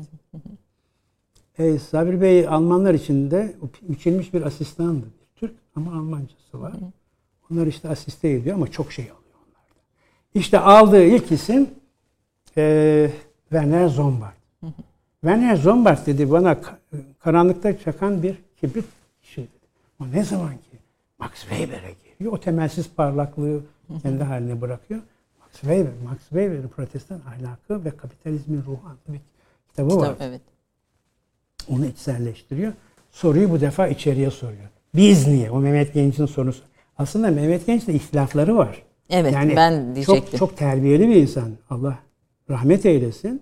Fakat e, aşı, aşırı bir şekilde e, her şeyin arşivlerde olduğunu, o ceviz sandığın açılmasının zaruretine inanırım ama her şeyin orada mukayyet olduğunu kabul etmem. Yani Allah'ın dünyası öyle bir dünya ki Sabri Bey, Sabri Bey iki, iki fırça darbesiyle bize divan edebiyatından bir iki beyitle çok önemli şeyler söylüyor. Biraz evvel okudum. Rahmi hakkıdır seferim. Ben bu dünyayı ne derim diyorsa bunun sen hangi kayıtlarını tutacaksın? Sen? Bu adamdan senin hesabın yok. Ben bu dünyadan usandım demesi bir insanın gizli şirktir. Evet. Ve çok mübarek adamlar. Onu da kabul ediyorum. Ama bu bir zihniyet. Yani bu Zihniyet, zihniyeti bize- de sen bunu evet. arşiv kayıtlarında bulamazsın. Ya ben şimdi Sabri Bey'in o manada bir muhakkibiyim. E bize de şeyler geliyor. E gelsin ama müsaademeye efkardan barikay hakikat doğar. Sen şimdi bir bir trafo merkezinin bir şeyini kapatırsan, yoktur, yoktura getirirsen Evet, o Bence zaman o zih- iktisadi zihniyet oluşmuyor Olmuyor. diyorsunuz. Ee, Sabri Ülgener'in bize açtığı bir pencere var. Evet. Ee, Batı e, iktisadının Evet. e, gelişimini, değişimini anlamaya bize bir şey pencere açıyor. açıyor. Pencere açıyor. Evet, maddenin yaptırım gücünü bize gösteriyor. Maddede var olan cevheri bize gösteriyor. Uğraşmazsan maddeyi kendine haline bırakırsan işte mavi vatan gibi senden intikamını alır. Seni çilelere sokar. Senin hakkın olan şeyi senin ma- gelecek kuşakların hayatiyeti var orada. Peki, aslında bizim iktisadi düşünce, iktisadi zihniyet olarak aşmamız gereken şeyin de bu olduğunu söylüyorsunuz. Maddenin hakimiyetini Hakimiyetinin tesisi ama bunu Batı zaten aşmış ama Allah'tan gafil aşıyor Batı. Sıkıntı da biraz da. Batı'nın o kendi sonra bir gaflet perdesine bürünmüş bir şekilde açılıyor. Bugün Amerika'daki insanların vefat sayıları 600 bini buldu. Ne demek bu? Yani hani Amerika gibi üst düzey efendim teknoloji e, insan Ama sonuçta sigortası yok birçok insanın filan yani. Ben bilmem. Dünya Sen açlığında, dünya açlığında ve çocuk açlığında dünyada ikinci sırada biliyorsunuz yani. Yani o hiç, tek hiç sağlıklı bir görünüm vermedi bu. Netice itibariyle maddenin bu şekilde yönelmesinin de bu defa insanın intikamı nasıl gelecek? En halisi ileriye dönüp konuşmayalım. Peki. Ee, insanlığın huzuru. Milliyetçi Hareket Partisi Başkanı Sayın Devlet Bahçeli'nin Evet. e, emriyle hazırlanan partinin ARGE biriminin yönettiği, İzzet e, Önder Bey'in yönettiği bir şey, bir proje. Siz de burada e, bu kitaba bir ön söz yazdınız, insanlığın huzuru üzerine bir metin yazdınız ve Metin. birçok yazı sizin başkanlığınızda Evet, insanlığın doğru. huzuru projesiyle bir şey oluştu, bir ekip oluştu. Özellikle de şu Covid'in şey günlerinde e, ne diyelim kötümserliği daha da pekiştirmeye pekiştirdiği bu günlerde huzurun önemini e, ön plana çıkarttınız. Biraz bundan Şimdi söz benim edelim. yani e, ifade etmeye çalıştım. Akşamleyin de bunu söyleyebilirim. Yani konuşmada söyleyebilirim. Bizim kafamızda huzur Efendim akşamleyin hangi kanaldasınız? CNN Türk. CNN 23, izleyicilerimiz 23, için 30. izleyicilerimiz için bu sohbetin devamı görünen o ki 23.30'da Bunun devamı. bunun huzur insanlığın huzurun devamı e, CNN Türk'te olacak. Tabii kendi televizyonumdan bir başka televizyonun anonsunu yapmak da çok alışılmış bir durum değil ama hani bu durumda önemli olan e, insandır, değerdir diyorum efendim. Buyurunuz. Şimdi efendim bir gün bir telefon geldi. Benim çok talebem var siyasaldan mezun. Talebeler işte söyler ben bir şu mezunuyum bilmem ne. Tanıyamıyorum açıkçası söyleyeyim ama kalbur üstünde olanlar var. Bir telefon geldi. Kendisinin ismini söyledi. İzzet Ulvi Yönter. Tanımıyorum etmiyorum. Ben dedi 98 mezunuyum dedi. Siyasal bilgileri. Çok güzel dedi. Ben dedim milletvekiliyim dedi. Vekilim dedi. Ha çok güzel dedi. Hangi partiden dedim. MHP'den dedim. E pekala ona da ona da hu. Ee, hocam dedi ben dedi partinin genel başkan yardımcısıyım dedi. Bak şimdi Huni'nin geniş tarafından dar Evet. tarafına doğru giriyoruz. Dedi ki işte genel başkanımızın dedi bir teveccühü var dedi. Niye böyle olduk dedi. Bilhassa bu kadın ölümleri fevkalade tedirgin ediyormuş Devlet Bey'i. Evet dedi. Bir dedi huzur projesi üzerindeyiz dedi. Sizi de niye ben dedi. Adam yok. Hocam dedi "e, işte çalışmalarınız dedi. Allah. Hukuk Fakat bu konuşulurken sizi temin edip Cenab-ı Hakk'ın Kur'an-ı Kerim'deki ya eyyühen nas lafzı celili geçti kulağa. Konuşuyor çocuk. Allah hitap ediyor. Ey insan kulundan vazgeçmiyor. Şimdi hitapları bilirim. Aslında Kur'an-ı Kerim, Kur'an-ı Kerim muttakilere hitap eder. Muttaki. Muttaki nedir? İçini doldurmanız lazım. Orada bireyi görürsünüz. Çünkü e, şeyde e, Mevlid'de de geçer. Bile yazdım adım ile adını. O kadar önemli ki. Mesela Allah aşkına dedi. Bu ne kadar büyükmüş. Ama çok ucuz kullanıyor ayrı hikaye. Çok önemli. Yani sümme haşa. Yani Allah'ı Allah'ı aşkıyla Evet, sarılmayı sarılma yani çok önemli bir şey bu. Sen ne deist olsan neye sarılacaksın? Allah iman versin ben ne diyeyim ya uğraşacak halimiz yok o manada yok. Şimdi bunu söyleyince Kur'an-ı Kerim'de Allah e, birden mesela deist var, ateist var, münker var, münafık var. E, onlar da kullu Allah'ın kulları. Şunu, şunu gördüm ki ben bu hepimizde bir ortak tesbihin taneleri gibi dağılmışlık, huzursuzluğu nasıl toparlayabiliriz? Yani bir partiden çıkmış bir proje olsa bile bu temelde fikri hür, vicdanı hür, irfanı hür bir ekibe teslim edilmiştir. Açık konuşalım. Kitap da zaten bunu gösteriyor içindeki yazarlar Yazarlar da şey itibariyle. yapıyor. Bir yani bakın bir şey bir siyasi e, Hayır, hayır, hayır. fikrin e, diktesi değil Ama- tam tersine son derece geniş vuzuhlu bir şey kadrosu var. Bence diğer partilerin böyle argeleri falan var mı bilmem ama örnek alsınlar. Hani bana iş versinler bilmem ne yapsınlar falan de zinhar bunun için söylemiyorum. Çok kıymetli elemanlar var. Evet. Bunları, bunları konular var. Burada ön plana çektiğiniz konu başlıkları neydi hocam? Biraz onu e, şey yapalım, konuşalım isterseniz. Şimdi olay iş gene dönüyor Yani dolaşıyor. huzur huzur olması başta Huzur bir olması defa. insan, in- insanın mücerret halinin aileyle eklemleşmesi. Benim vardığım sonuç. Çok önemli. Çünkü Allah bireye oynuyor ama mücerret bireyi pek fazla keşfetmek mes- mesela monarşiye karşı Kur'an-ı Kerim'de şey yok, monarşi yok. Şura var, istişare var. O bireyi ortaya çıkartır zaten. Fakat aileyi, aileyi mesela boşanmaları zorlaştırıyor Allah.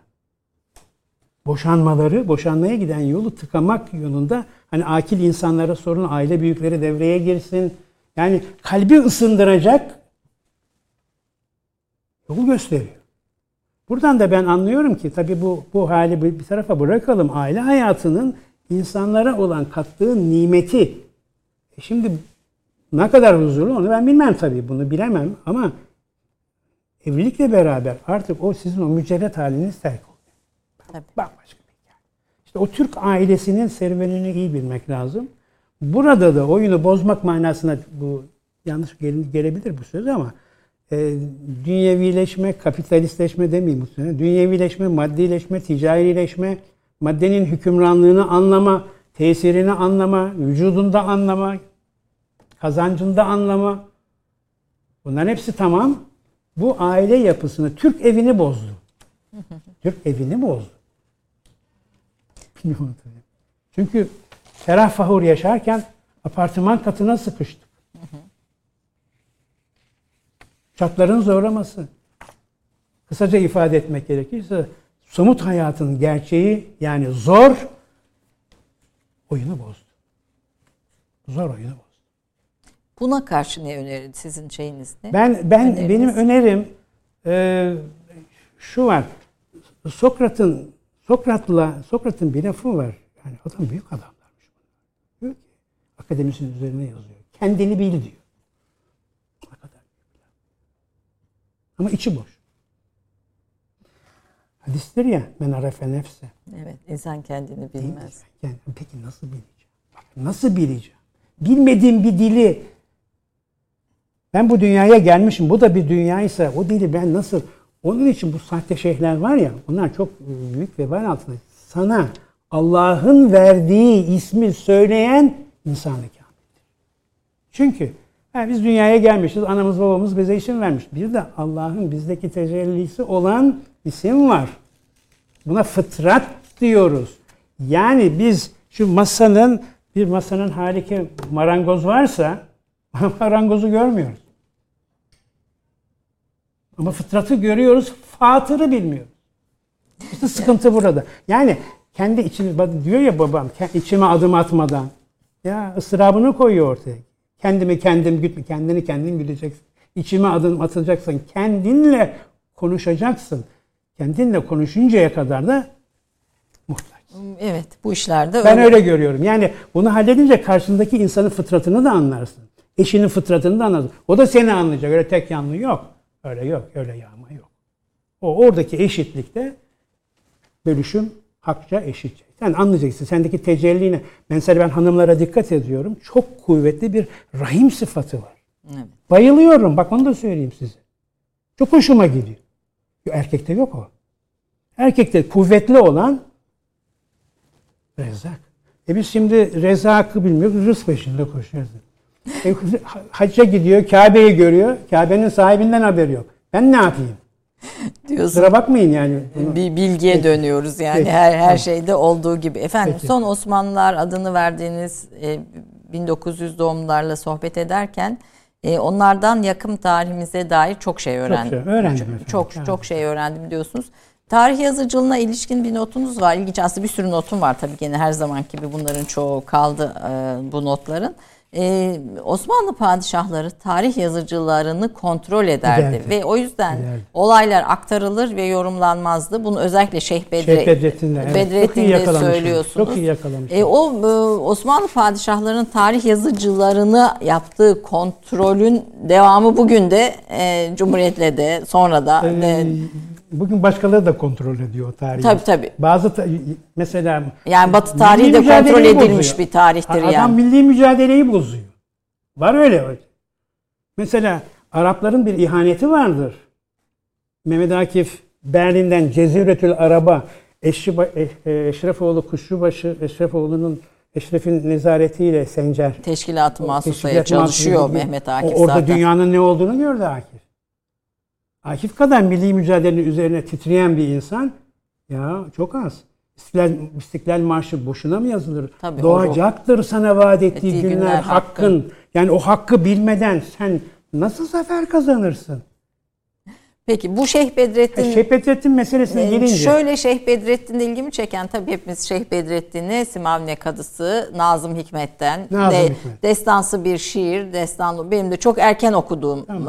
e, yani çocuk yaşlarda neredeyse okuduğum e, bir şeyle kitaplardan birisiydi Nazım Hikmet'in. Fakat hocam başka bir şey söylüyor ve bu konudaki en önemli kaynaklardan birisi. İnşallah Yazılmış başka kaynaklarda var. Şeyh Bedrettin bir isyancı değildi, bir Değil. asi Hayır, değildi. olamaz, olamaz. Devlet asi değildi diyor ve başka belgelerle durumu anlatıyor. Evet. Kitabı tavsiye ediyorum. İlginç, dönemi anlamak açısından ilginç. Çok kısa özetle Şeyh Bedrettin'in bir kesimin e, devlete isyan eden e, evet. asisi olarak e, ne diyelim yüceltmesine, evet. öbür tarafında hiç görmemesine, diğer tarafında onu yok saymasına bu iki tarih arasındaki Şeyh Bedrettin'i kısaca söyler misiniz? Şimdi efendim, e, evvela kaynak yönünden fakiriz.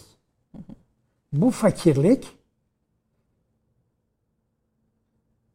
tarihi romancıları tetikliyor. Mesela Kemal Tahir'in de yayınlanmamış bir Şeyh Bedrettin şeysi var da karşısındadır. Çünkü o devletten yana. Yani birinci Mehmet'ten yana. O, Olabilir. Evet. Bak, ben buna bir şey demiyorum.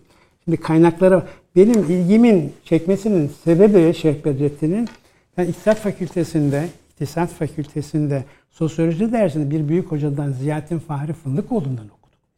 Adamcağızın elimizin altında yani aynen şu, şu kalınlıkta iktisat sosyolojisi açısından sosyalizm kitabı vardı. Orada 30-40 sayfa kadar Şeyh Bedrettin'i okuyorum ama oradaki şey, Ziyaettin Fahri Fındıkoğlu'nun Şeyh Bedrettin'e yaklaşımı muğlak müphem, netlikten o manada uzak. Fakat bir şey var. Dedemden intikal eden kitaplar içerisinde varidat, varidat çıkıyor. Ya bu adam mümin, mütevekkil bilmem ne adam Şeyh Bedrettin ne alaka diyorum. Orada el yazısından bize evet. onun şeylerini aldım. Ee, güzel bir rikası vardır. Osmanlı bürokratı olduğu için dedem. O kadılıktan gelen bir hikaye. Şimdi kafam birden ikiye bölünüyor. Sokağa çıkıyorum. Sene 1966 Şubat ayında Nazım Hikmet'in 1936'da çıkan Simam ve Kadısı. Kası Şeyh Bedrettin Destanı kitabının ikinci baskısı sular seller gibi gitti. Şimdi hapishanede Şeyh Bedrettin yazıyor. Onu çıkartan yani onu yazdıran Mehmet Şerefeddin Yaltkaya. Türkiye Cumhuriyeti'nin ikinci Diyanet İşleri Reisidir. Reisliğinden önceki dönemde 1938'de Atatürk'ün cenaze namazını kıldıran kimsedir. Hakkı teslim edelim. Bu insanın 1924 senesi ve daha önce de Tasviri Efkar gazetesinde çıkan Şehbettin makaleleri var. Fuat Bey Köprülü onu teşvik ediyor. Bunu kitaplaştırın da 1924 senesinde bir kitap çıkıyor. 1340. Orada o dönemin şey kayıtlarına basaraktan onun devlete isyan ettiğini, Balkanlarda isyanı çıkarttığını falan şey yapıyor. Nazım Hikmet de oradan oluyor. İşte aradığım adam diyor. O bambaşka bir Hikaye da hikayeci.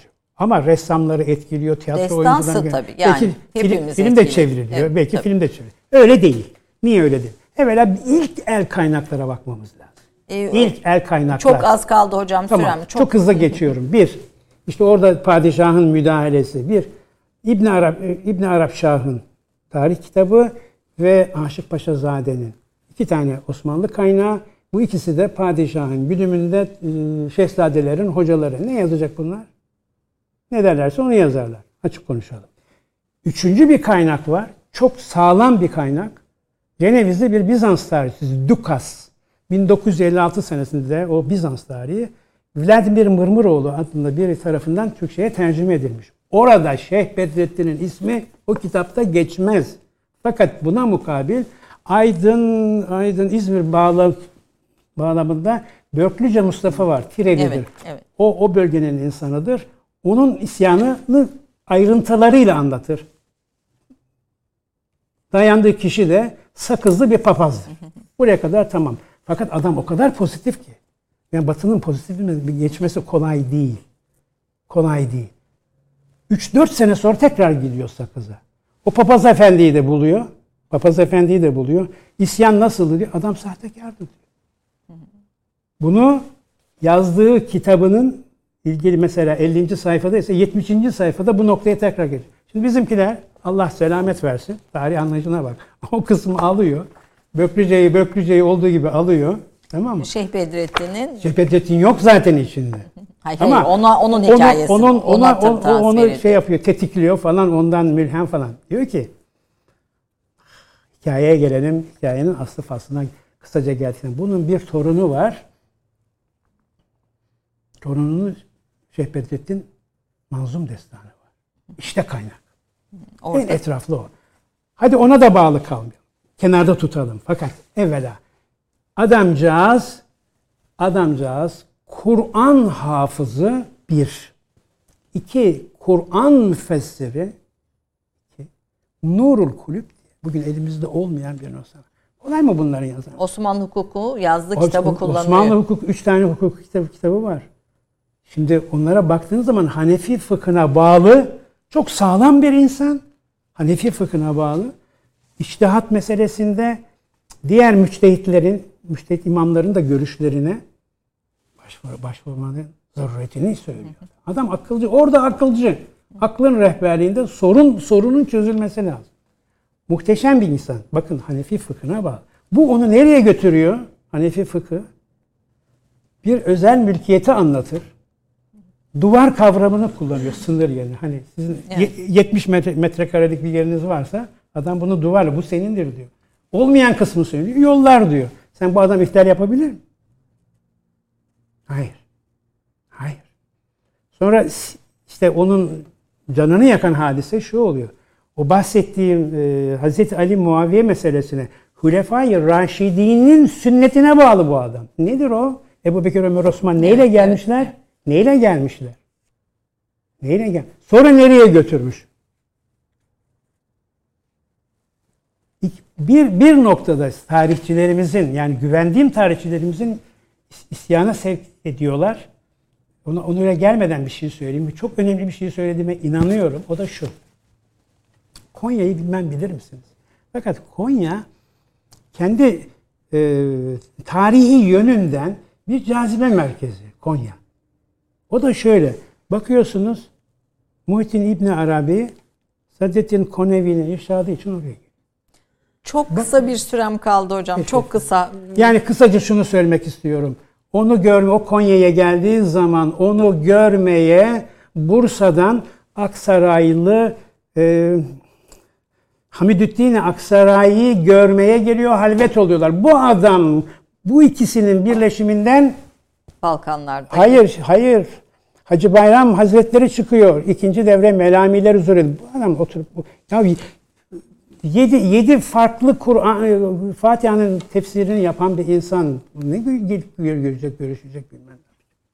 Ee, Peki, bu fakat kadar olsun. Cumhuriyet sahip çıkıyor. Mezarı Cumhuriyet sahip çıkıyor. Serez'den Balkan o, o da bir mucize. O da bir e, mucize. e, Serez'den mezarı alınıp Evet. e, Abdülhamit Han'ın filan mezarının Hemen yanı başına. kabrinin Hemen olduğu yanı. yere O da bir o da getirilip bir keramet. O da bir gömülüyor. E, Divan ki. yolunda e, Şeyh Bedrettin'in e, türbe türbe demeyelim de mezarını ziyaret edebilirsiniz evet de tabii, diyelim. tabii. Musa Çelebi'nin ikinci adamı. Bütün hukuk işleri Şeyh Bedrettin'in elinde. Hürriyet Allah'ın haklarındandır. Hürriyet Allah'ın ne güzel. Yeter ki güzel kullan. Evet. Sana ver- verdiği bir ciğer değil mi? Nefes alıyorsun. Hürriyet. E sen günde 3 paket 5 paket içersen demez mi Allah sana ben sana böyle ciğer mi verdim? Peki efendim çok bakmayın. estağfurullah çok çok teşekkür ediyorum. Bütün bu hazineden ben böyle çok minik Teşekkür küçük ederim. Sağ notlar e, izleyicilerimize aktarmaya geçirmeye çalıştım. E, kapatırken programımızı e, bu münevverlere e, Osmanlı'dan Cumhuriyet'e intika- Allah ne kadar intikal- zengin insanlar e, görüyorsun. intikal eden münevverlere dair söyleyeceğiniz bir cümle olur mu? Valla bu toprakların bereketine inanıyorum ben. Ben yani Serde Anadolu'luk var. Hani Rumilik var onu söyleyeyim. Yani ne böyle bir coğrafya var ne de böyle bir insan var. Bu insanları insanlar içerisinde arayın derim. Evet efendim bu silsile devam ediyor. Ben de bu silsilenin bittiğini düşünmüyorum. Bu silsile devam ediyor. Bu münevver silsilesi yeter ki bunu arayıp görelim. Efendim tekrar çok teşekkür ediyorum. Türkiye'nin değerlerindensiniz. Hem bize bütün bu isimleri, bu münevverleri bugüne taşıdınız. Hem de e, iktisat e, düşünce, zihniyet dünyamız, tarihimiz üzerine yaptığınız çalışmalarla bize farklı kapılar açtınız. Çok çok teşekkür ediyorum. Teşekkür ederim. Zahmet ettiniz, geldiniz. Efendim bugünlük bu kadar. Haftaya bir başka konukta e, buluşmak üzere diyelim. Hoşçakalın.